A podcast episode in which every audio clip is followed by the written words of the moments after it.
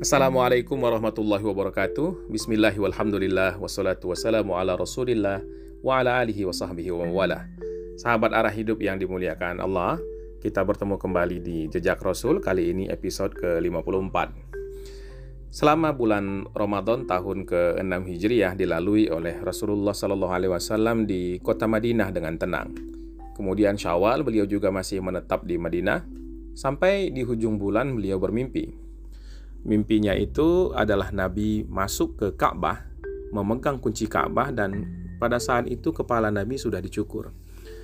Di pagi hari Nabi mengumpulkan para sahabat untuk menceritakan perihal mimpi beliau itu dan Nabi mengabarkan sebuah berita gembira. Kita harus pergi umrah. Orang-orang menyambut dengan sangat antusias. Sahabat-sahabat Ansor karena pembinaan keislaman yang intens pada dirinya, Islam itu sudah menjadi satu dengan nafasnya, maka kerinduan kepada Baitullah, kerinduan kepada kiblat tempat mereka menghadap setiap hari di dalam sholatnya menjadi begitu membuncah. Pada orang-orang muhajirin ya lebih kuat lagi karena mereka adalah orang-orang yang kampung halamannya adalah di Makkah Al-Mukarramah itu. Maka motif-motif spiritual ditambah kekuatannya oleh motif kerinduan kepada kampung halaman. Semua orang bersiap-siap.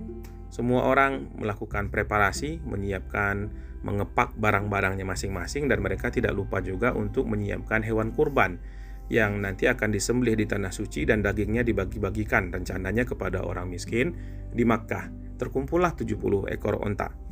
Lalu eh, Nabi berangkat dari Madinah di bulan Zulkaidah, di bulan suci, bulan-bulan haji dibawalah salah satu dari istri beliau dan yang e, berkesempatan pada saat itu mendampingi Rasulullah Shallallahu Alaihi Wasallam adalah Ummu Salamah radhiyallahu anha. Di antara jamaah yang jumlahnya 1.500 itu juga ada orang-orang perempuan lainnya. Di antaranya adalah wanita Khazraj yang dulu turut hadir pada bayah akobah yang kedua yakni Nusaibah dan juga Ummu Mania. Dikarenakan ini adalah sebuah perjalanan damai, ini adalah sebuah ziarah spiritual, bahkan ini adalah sebuah kegiatan ubudiyah pada hakikatnya, maka rombongan ini tidak pergi dengan membawa senjata, kecuali senjata ala kadarnya. Tiap-tiap orang membawa sebilah pedang, Pedangnya tentu saja disarungkan, tidak dibawa dengan petantang petenteng seperti orang-orang mau berperang. Dan guna pedang ini semata-mata untuk melindungi diri dan kalau ada kesempatan berburu di tengah jalan ya mereka akan berburu hewan dengan pedang-pedang ini. Sempat ada ide dari Umar bin Khattab dan uh, Sa'ad bin Ubadah bahwa sebaiknya mereka pergi dengan bersenjata lengkap saja. Karena uh, menurut kedua sahabat ini, orang-orang Quraisy ini kita tidak bisa tebak nanti bisa saja mereka akan mengambil kesempatan ini untuk menyerang kita. Tapi Nabi mengatakan keputusan sudah tetap bahwa kita tidak akan berperang, kita semata-mata hanya berniat untuk umroh ke Makkah.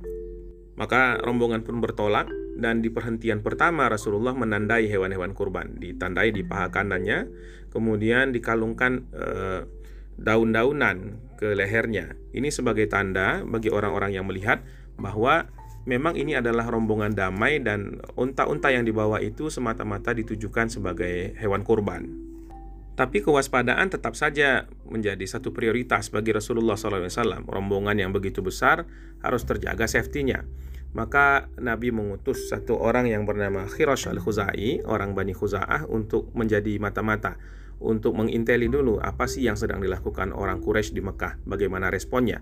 Ini penting sekali karena memang Quraisy lah yang bertanggung jawab terhadap kota Mekah dan mereka adalah orang yang dipercaya, suku yang dipercaya sebagai penjaga tanah suci.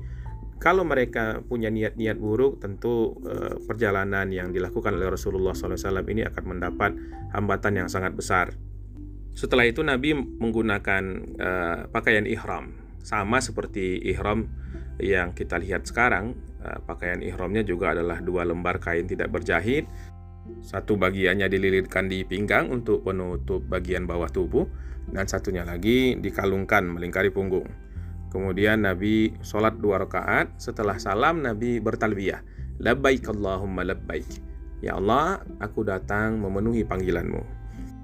Tindakan Nabi yang sudah memakai pakaian ihram ini di kemudian dicontoh dan diikuti oleh sebagian besar sahabat Tapi ada juga sedikit eh, di antara mereka yang memutuskan untuk nanti sajalah berihram, menunggu dulu perjalanan mencapai poin yang lebih jauh lagi. Karena kalau sudah dikenakan pakaian suci ini akan cukup banyak konsekuensi dan larangan-larangan yang dikenakan kepada orang yang mengenakannya, terutama sekali dalam hal perburuan hewan. Jadi mereka ingin memanfaatkan kesempatan lebih lama lagi. Siapa tahu ada uh, kebutuhan-kebutuhan untuk berburu hewan di depan, jadi mereka menunda berihram. Di Makkah, orang-orang Quraisy yang mendengar keberangkatan jemaah dari Madinah dan dalam jumlah yang cukup besar pula, mereka diliputi rasa khawatir. Dan mereka kemudian langsung melaksanakan sebuah majelis untuk bermusyawarah. Mereka belum pernah dilanda dilema yang seperti ini. Di satu sisi sebagai penjaga tanah haram, suku yang dipercaya dan diamanahi oleh orang-orang Arab sebagai pelayan orang-orang yang berumroh dan berhaji, mereka tidak mungkin menghalangi datangnya jemaah dalam jumlah ribuan tersebut. Apalagi ini jemaah orang Arab juga, saudara-saudara mereka sendiri, untuk berziarah ke rumah suci. Ini akan menjadi sebuah pelanggaran hukum dan cacat moral yang terbesar yang terjadi sepanjang sejarah mereka. Tapi di sisi lain, kalau mereka membiarkan orang-orang Madinah yang notabene adalah musuh mereka itu masuk dengan aman saja ke Mekah, masuk dengan selamat, melaksanakan tujuan dan maksudnya, ini akan menjadi sebuah kemenangan moral sendiri, menjadi kredit poin bagi Nabi Muhammad SAW dan sahabat-sahabatnya. Dan ini juga akan mencoreng citra Quraisy, apalagi mereka sudah berkali-kali kalah. Di Badar mereka kalah, Kemudian serbuan terakhir mereka yang sudah melibatkan e, sekutu-sekutunya dalam jumlah yang luar biasa banyak dalam perang Ahzab juga patah serangan itu. Mereka berkali-kali gagal menaklukkan Madinah, tapi sekarang orang Madinah akan masuk ke Mekah dan dibiarkan saja. Tentu ini akan menjadi sebuah gosip besar di kalangan orang-orang Arab yang memperlihatkan betapa lemahnya orang-orang Quraisy ini. Ditambah lagi mereka khawatir bahwa kalau agama Islam ini, agama yang dibawa oleh Rasulullah Wasallam ini Eh, datang ke Makkah, kemudian melaksanakan ritualnya di Ka'bah dan eh, ritus-ritus kuno yang sudah ada sejak zaman dahulu itu diklaim oleh orang-orang Islam, maka ini akan menjadi sebuah judgement baru lagi bahwa ada uh, sebuah ketersambungan antara ajaran Ibrahim alaihissalam yang dipercaya oleh orang-orang Arab dengan agama ini. Meskipun memang demikianlah nyatanya, Nabi Ibrahim dan Nabi Muhammad adalah satu lain, satu kesatuan. Bahwasanya Muhammad Sallallahu Alaihi Wasallam adalah pembawa estafet terakhir dari saudara-saudaranya para nabi yang lebih dahulu hadir di muka bumi. Ajaran beliau adalah pelengkap, penyempurna sekaligus penutup semua syariat yang pernah diturunkan Allah demi mengatur kehidupan manusia di muka bumi. Maka orang-orang Quraisy pun bersepakat dan membulatkan tekad bahwa kegiatan ini, rombongan ini tidak bisa dibiarkan begitu saja masuk ke Madinah. Sementara itu jemaah umroh yang dipimpin oleh Rasulullah SAW sudah sampai di satu daerah yang namanya Usfan, daerah di antara Madinah dengan Makkah. Mata-mata yang tadi dikirim sudah datang dan mengabarkan bahwa orang Quraisy telah mengutus Khalid bin Walid yang memimpin 200 pasukan berkuda untuk menghadang mereka. Dalam uh, catatan sejarah lain ada juga yang mengatakan bahwa yang Eh, memimpin itu adalah Ka'ab bin Lu'ay wallahu alam. Maka Nabi meminta seorang penunjuk jalan yang dapat diandalkan untuk memandu mereka melalui jalan lain untuk menghindari pasukan ini. Disewalah seorang lelaki dari Aslam untuk e, menjadi pemandu menuju jalur pesisir. Kemudian lewat di sebuah trek yang cukup sulit dan berliku-liku, sampailah mereka di jalan setapak menuju e, Hudaybiyah Hudaybiyah ini adalah sebuah tanah terbuka di lembah Mekah, di batas tanah suci. Ketika melewati sebuah uh, saniyah, jalan di bukit yang jalannya menurun, uh, unta Nabi yang dikendarai beliau, unta kesayangan Nabi yang namanya Qaswa, uh, berhenti, kemudian dia berlutut. Orang-orang kemudian meneriakinya agar berdiri, tapi dia tidak mau. Qaswa tetap di situ seolah-olah dia ditancapkan ke tanah. Mereka mengatakan khala'atil qaswa koswa ini lumpuh atau ada koswa ini bandel begitu. Tapi Nabi mengatakan ma khala'atil koswa. Koswa tidak lumpuh dan dia juga tidak punya tabiat seperti itu. Walakin habasaha habisul fil. Melainkan dia ini ditahan oleh yang dulu menahan gajah. Ini sebuah isyarat uh, pada unta Abrahah yang dulu ditahan Allah Subhanahu wa taala tidak bisa masuk ke kota Makkah. Lalu Nabi tambahkan demi yang jiwaku berada di tangannya demi Allah. Tidaklah mereka orang-orang Quraisy itu kalau dia meminta satu rencana kepadaku, mereka menawarkan satu hal untuk mengagungkan syiar-syiar Allah dan memintaku bersilaturahim, aku akan kabulkan permintaan mereka itu, kata Rasulullah Sallallahu Alaihi Wasallam. Lalu Nabi memerintahkan Qaswa untuk bangkit dan dia pun melompat bangkit membawa beliau turun ke perbatasan Hudaybiyah dan diikuti oleh jemaah yang lain di belakang. Di situlah mereka berhenti, namun e, para sahabat mengeluhkan haus pada Rasulullah SAW. Sumber air yang ada di situ terlalu kecil dan tidak mencukupi untuk jemaah yang cukup banyak ini. Air hanya ada di dasar e, satu atau dua lubang, sementara orang-orang sudah sangat membutuhkan karena haus. Lalu Nabi memanggil e, Najiyah Najiyah ini adalah uh, orang Aslam yang mengurusi onta-onta korban tadi. Dia diminta oleh Rasulullah SAW untuk membawakan uh, sebotol air kepada Nabi. Dia ambilkan. Kemudian Nabi berwudu, berkumur-kumur dan menyemburkan airnya ke dalam botol itu kembali. Lalu Nabi mengambil sebuah anak panah dari sarungnya. Kata Nabi, "Turunlah bawa air ini, tumpahkan ke dalam air di lubang sumur kecil itu." Lalu aduk dengan anak panah ini, tancapkan di sana. Najiyah melakukan apa yang diperintahkan Rasulullah dan ketika uh, tanah tersentuh oleh anak panah itu, air jernih dan bersih memancur deras dan berlimpah sehingga Najiyah sendiri hampir-hampir tenggelam itu sebelum sempat memanjat keluar. Jemaah kemudian berkumpul di sekitar pinggir lubang itu, di pinggir sumur itu dan setiap orang bisa minum sepuas-puasnya. Begitu juga hewan-hewan tunggangan. Bagi orang-orang beriman, mukjizat ini adalah karunia sekaligus penguat keyakinan mereka terhadap kenabian Muhammad SAW. Tapi orang munafik yang juga ikut pada saat itu beberapa di antara mereka, termasuk Abdullah bin Ubay, sinis melihat kejadian itu. Ketika dia duduk dan minum, salah seorang dari sukunya itu menyentil Ibnu Ubay. Dia katakan, coba lihat itu yang dilakukan oleh Rasulullah. Itu di luar kemampuanmu itu adalah sebuah keajaiban. Ibnu Ubay merespon dengan perasaan hasad dan tidak suka, lalu dia katakan, "Aku sudah pernah lihat yang seperti itu juga di tempat lain." Artinya dia ingin mengatakan bahwa apa yang dilakukan oleh Rasulullah SAW itu sebenarnya tidak spesial atau istimewa-istimewa amat. Orang lain juga ada di tempat lain yang bisa melakukan hal yang serupa. Tapi orang-orang marah dengan tanggapan Ibnu Ubay itu. Akhirnya dia terpaksa menghadap Nabi bersama anaknya Abdullah Sebelum sempat uh, mengatakan apa-apa, Nabi lebih dahulu berkata, "Di mana kiranya engkau melihat hal seperti yang kau lihat pada hari ini, wahai Ibnu Ubay?" Dia katakan, "Tidak ada ya Rasulullah." Lalu kenapa engkau bohong mengaku pernah melihatnya? E, saya salah ya Rasulullah, saya minta ampun dan minta ampun kepada Allah. Lalu Abdullah mengatakan kepada Nabi, "Tolonglah ayahnya diampuni." Maka Nabi pun memaafkan. Kita bisa lihat di mana-mana dan di berbagai kesempatan pada celah-celah kecil, orang-orang munafik ini secara natural menunjukkan sikapnya. Dia akan selalu mendegradasi uh, keimanan orang-orang dan membawa orang-orang untuk uh, bersikap sinis kepada agama. Bahkan kalau sudah ada bukti yang nyata sekalipun. Setelah jamaah memuaskan dahaga, mereka juga bisa makan sepuasnya berkat hadiah unta dan domba dari dua kepala suku Baduy, suku Khuza'ah yang kalau uh, sahabat arah hidup kembali merefer kepada kajian kita terdahulu di tahun lalu, di Ramadan tahun lalu tentang suku Khuza'ah ini, mereka adalah orang yang pernah menjadi penjaga tanah suci juga sebelum Quraisy. Termasuk di dalam uh, suku Khuza'ah ini adalah sub-sub suku yakni Bani Aslam, Bani Ka'am dan Bani Mustalik. Suku-suku ini sekarang uh, cenderung memihak kepada Nabi Shallallahu alaihi wasallam memang banyak di antara mereka yang masih belum masuk Islam tapi bersekutu dengan Nabi itu mendatangkan keuntungan uh, politis yang diperlukan mereka untuk menyeimbangkan perjanjian dengan musuh besar mereka yakni Bani Bakar. Bani Bakar ini adalah uh, kelompok yang sudah lama bersekutu dengan Quraisy.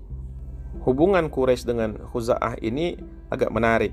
Orang-orang Quraisy uh, mentolerir orang-orang Khuza'ah namun pada saat yang sama mereka juga waspada dan curiga.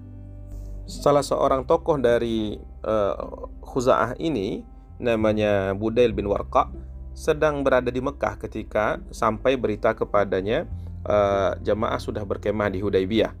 Kemudian dia pun bersama beberapa orang dari sukunya keluar Makkah menemui Nabi di Hudaybiyah untuk menginformasikan tindakan orang-orang Quraisy.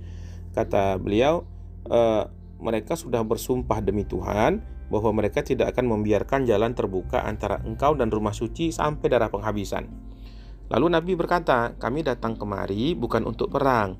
Kami datang semata-mata untuk umrah di Baitullah.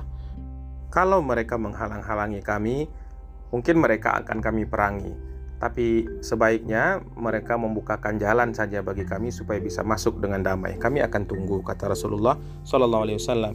Nah, Budail pun datang kembali ke Mekah. Di situ dia disambut oleh orang-orang Quraisy yang sudah cemberut saja kepada dia. Lalu dia katakan, kalian mau tahu apa yang saya dapatkan kabar dari orang-orang Islam yang datang kemari. Ikrimah bin Abi Jahal lalu mengatakan, tidak, kami tidak butuh kabar-kabarmu itu. Cuma salah seorang di antara mereka, yakni Urwah bin Mas'ud As-Saqafi mengatakan Ikrimah itu tidak pantas, kau harus dengarkan apa yang dibawa uh, oleh Budail ini. Maka Sofwan bin Umayyah sebagai eh, tetua Quraisy sana mempersilahkan kepada Budail, ceritakanlah apa yang engkau lihat dan apa yang sudah engkau dengar.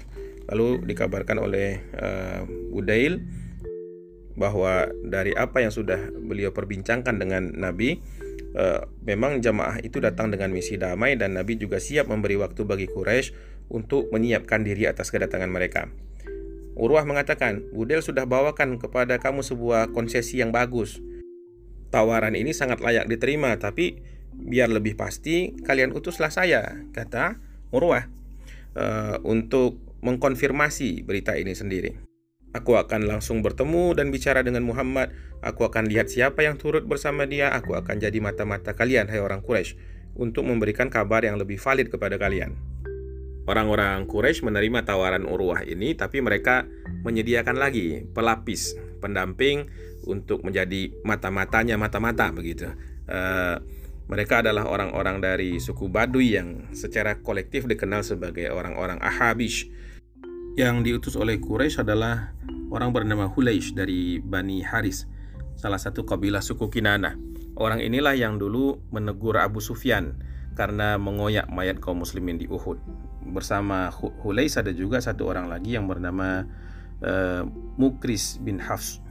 Nabi yang melihat kedatangan orang-orang ini tahu entah dari cara berjalannya atau pembawaannya atau dari apalah begitu Nabi melihat bahwa orang ini adalah lelaki yang taat yang memiliki penghormatan yang tinggi kepada sesuatu yang suci. Ini adalah para spiritualis.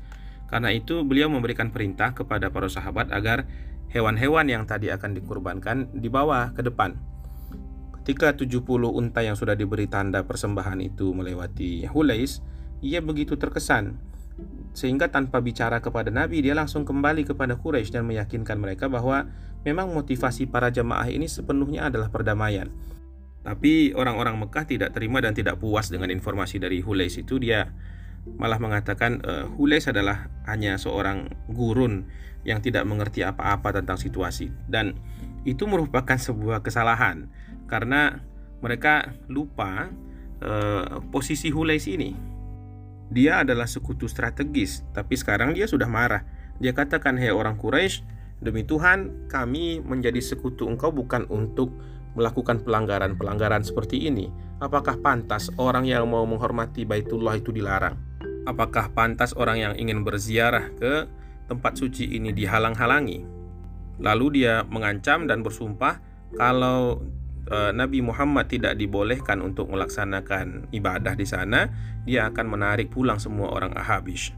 Maka orang Quraisy pun kembali membujuk Hules, tetaplah bersama kami sampai kita bisa menyepakati hal-hal yang sama-sama bisa kita terima. Sementara itu, Urwah bin Mas'ud sudah sampai di perkemahan para jemaah dan beliau sudah siap bicara dengan Nabi Shallallahu Alaihi Wasallam. Dia duduk di depan Nabi dan e, berlaku egaliter, begitu seolah-olah sejajar. Begitu dia menyapa Nabi, dia memegang janggut beliau, tanda keakraban. Namun salah seorang muhajirin yang sedang berdiri, Mughirah, menepis tangannya dengan e, tangkai atau sarung pedang begitu. Sehingga dia menarik tangannya lagi. Beberapa saat kemudian dia bicara dengan Nabi dan ingin menunjukkan kembali kehangatan dan e, keakrabannya. Dia ingin pegang kembali janggut Nabi. Tapi Mughirah melakukan hal yang sama lagi dan lebih keras dia berkata, "Lepaskan tanganmu dari janggut Rasulullah. Engkau tidak pantas memegangnya seperti itu." Urwah kemudian tahu diri dan uh, tidak mencoba untuk berkomunikasi dengan cara yang casual seperti itu lagi, tidak seperti orang yang sejajar lagi, tapi Urwah menunjukkan penghormatan yang lebih. Dan setelah pembicaraan yang cukup lama, dia tetap tinggal di perkemahan itu selama beberapa jam. Sebab dia kan sudah berjanji kepada orang Quraisy untuk menjadi mata-mata dan utusan mereka dan dia bertekad untuk melihat dan mencatat segala sesuatunya dengan detail. Tapi yang paling menarik perhatian adalah satu yang dia tidak e, maksud untuk mengamatinya, sesuatu yang belum pernah dia lihat di mana pun juga. Dan itulah sentral dan poin penting yang ingin dia sampaikan kepada Quraisy. Ketika kembali, dia katakan, wahai orang Quraisy, aku ini orang yang sudah pernah jadi utusan ke mana-mana. Aku sudah ketemu dengan raja-raja, aku bertemu dengan Kaisar, Heraklius, orang Romawi, aku bertemu dengan Kisra di Persia, aku bertemu dengan Negus di Habasyah. Namun belum pernah aku lihat seorang raja yang pengikutnya begitu menghormatinya seperti para sahabat Muhammad menghormati Muhammad. Kalau dia berikan perintah, mereka dengan bersegera e, memenuhinya. Nyaris sebelum kata-katanya selesai, mereka sudah e, mengerjakan. Saat dia wudhu, mereka berebutan untuk mendapatkan bekas air wudhunya. Kalau ia bicara, mereka merendahkan suara di hadapan nabi mereka itu.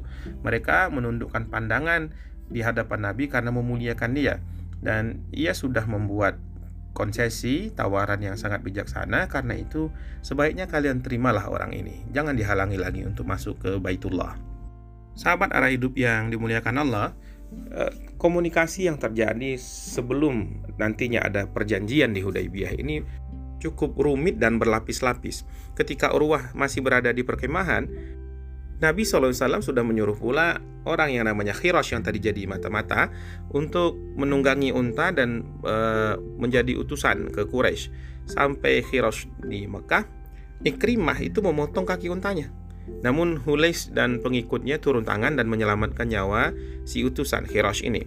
Dan kemudian dia juga mendesak orang-orang Quraisy ini agar membiarkan Khirosh kembali menghadap Rasulullah SAW. Orang ini tidak boleh diapa-apakan dan begitulah etika terhadap seorang utusan.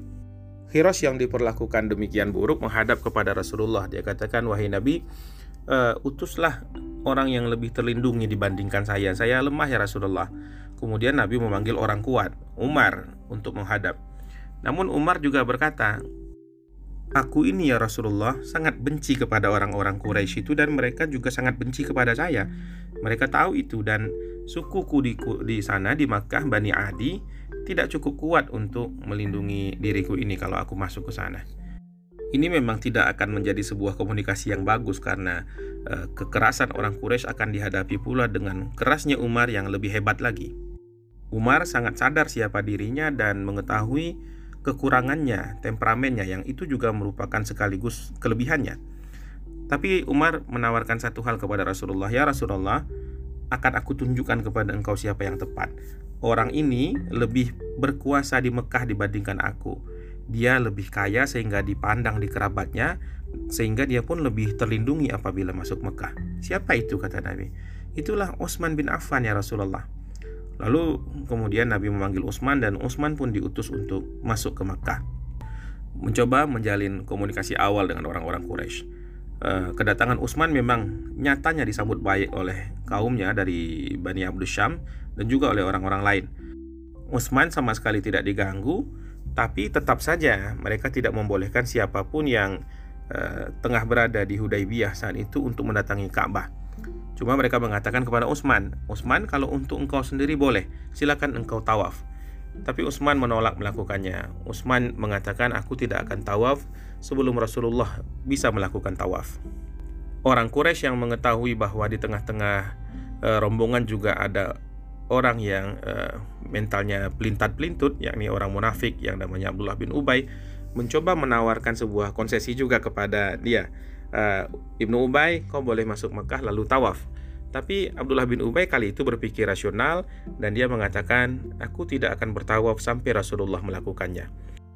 Nabi yang kemudian diberitahukan tentang respon Abdullah bin Ubay ini merasa senang. Kali ini orang ini tidak buat masalah. Sahabat arah hidup yang dimuliakan Allah, ini adalah eh, kejadian-kejadian yang menjadi latar permulaan uh, untuk nantinya uh, terjadi satu perjanjian antara kaum muslimin dengan orang-orang Quraisy yang kita kenal dengan perjanjian Hudaybiyah. Insya Allah pada episode depan akan kita bahas. Mudah-mudahan Allah berikan kita kesehatan, keselamatan, dan kesempatan untuk menyambungnya.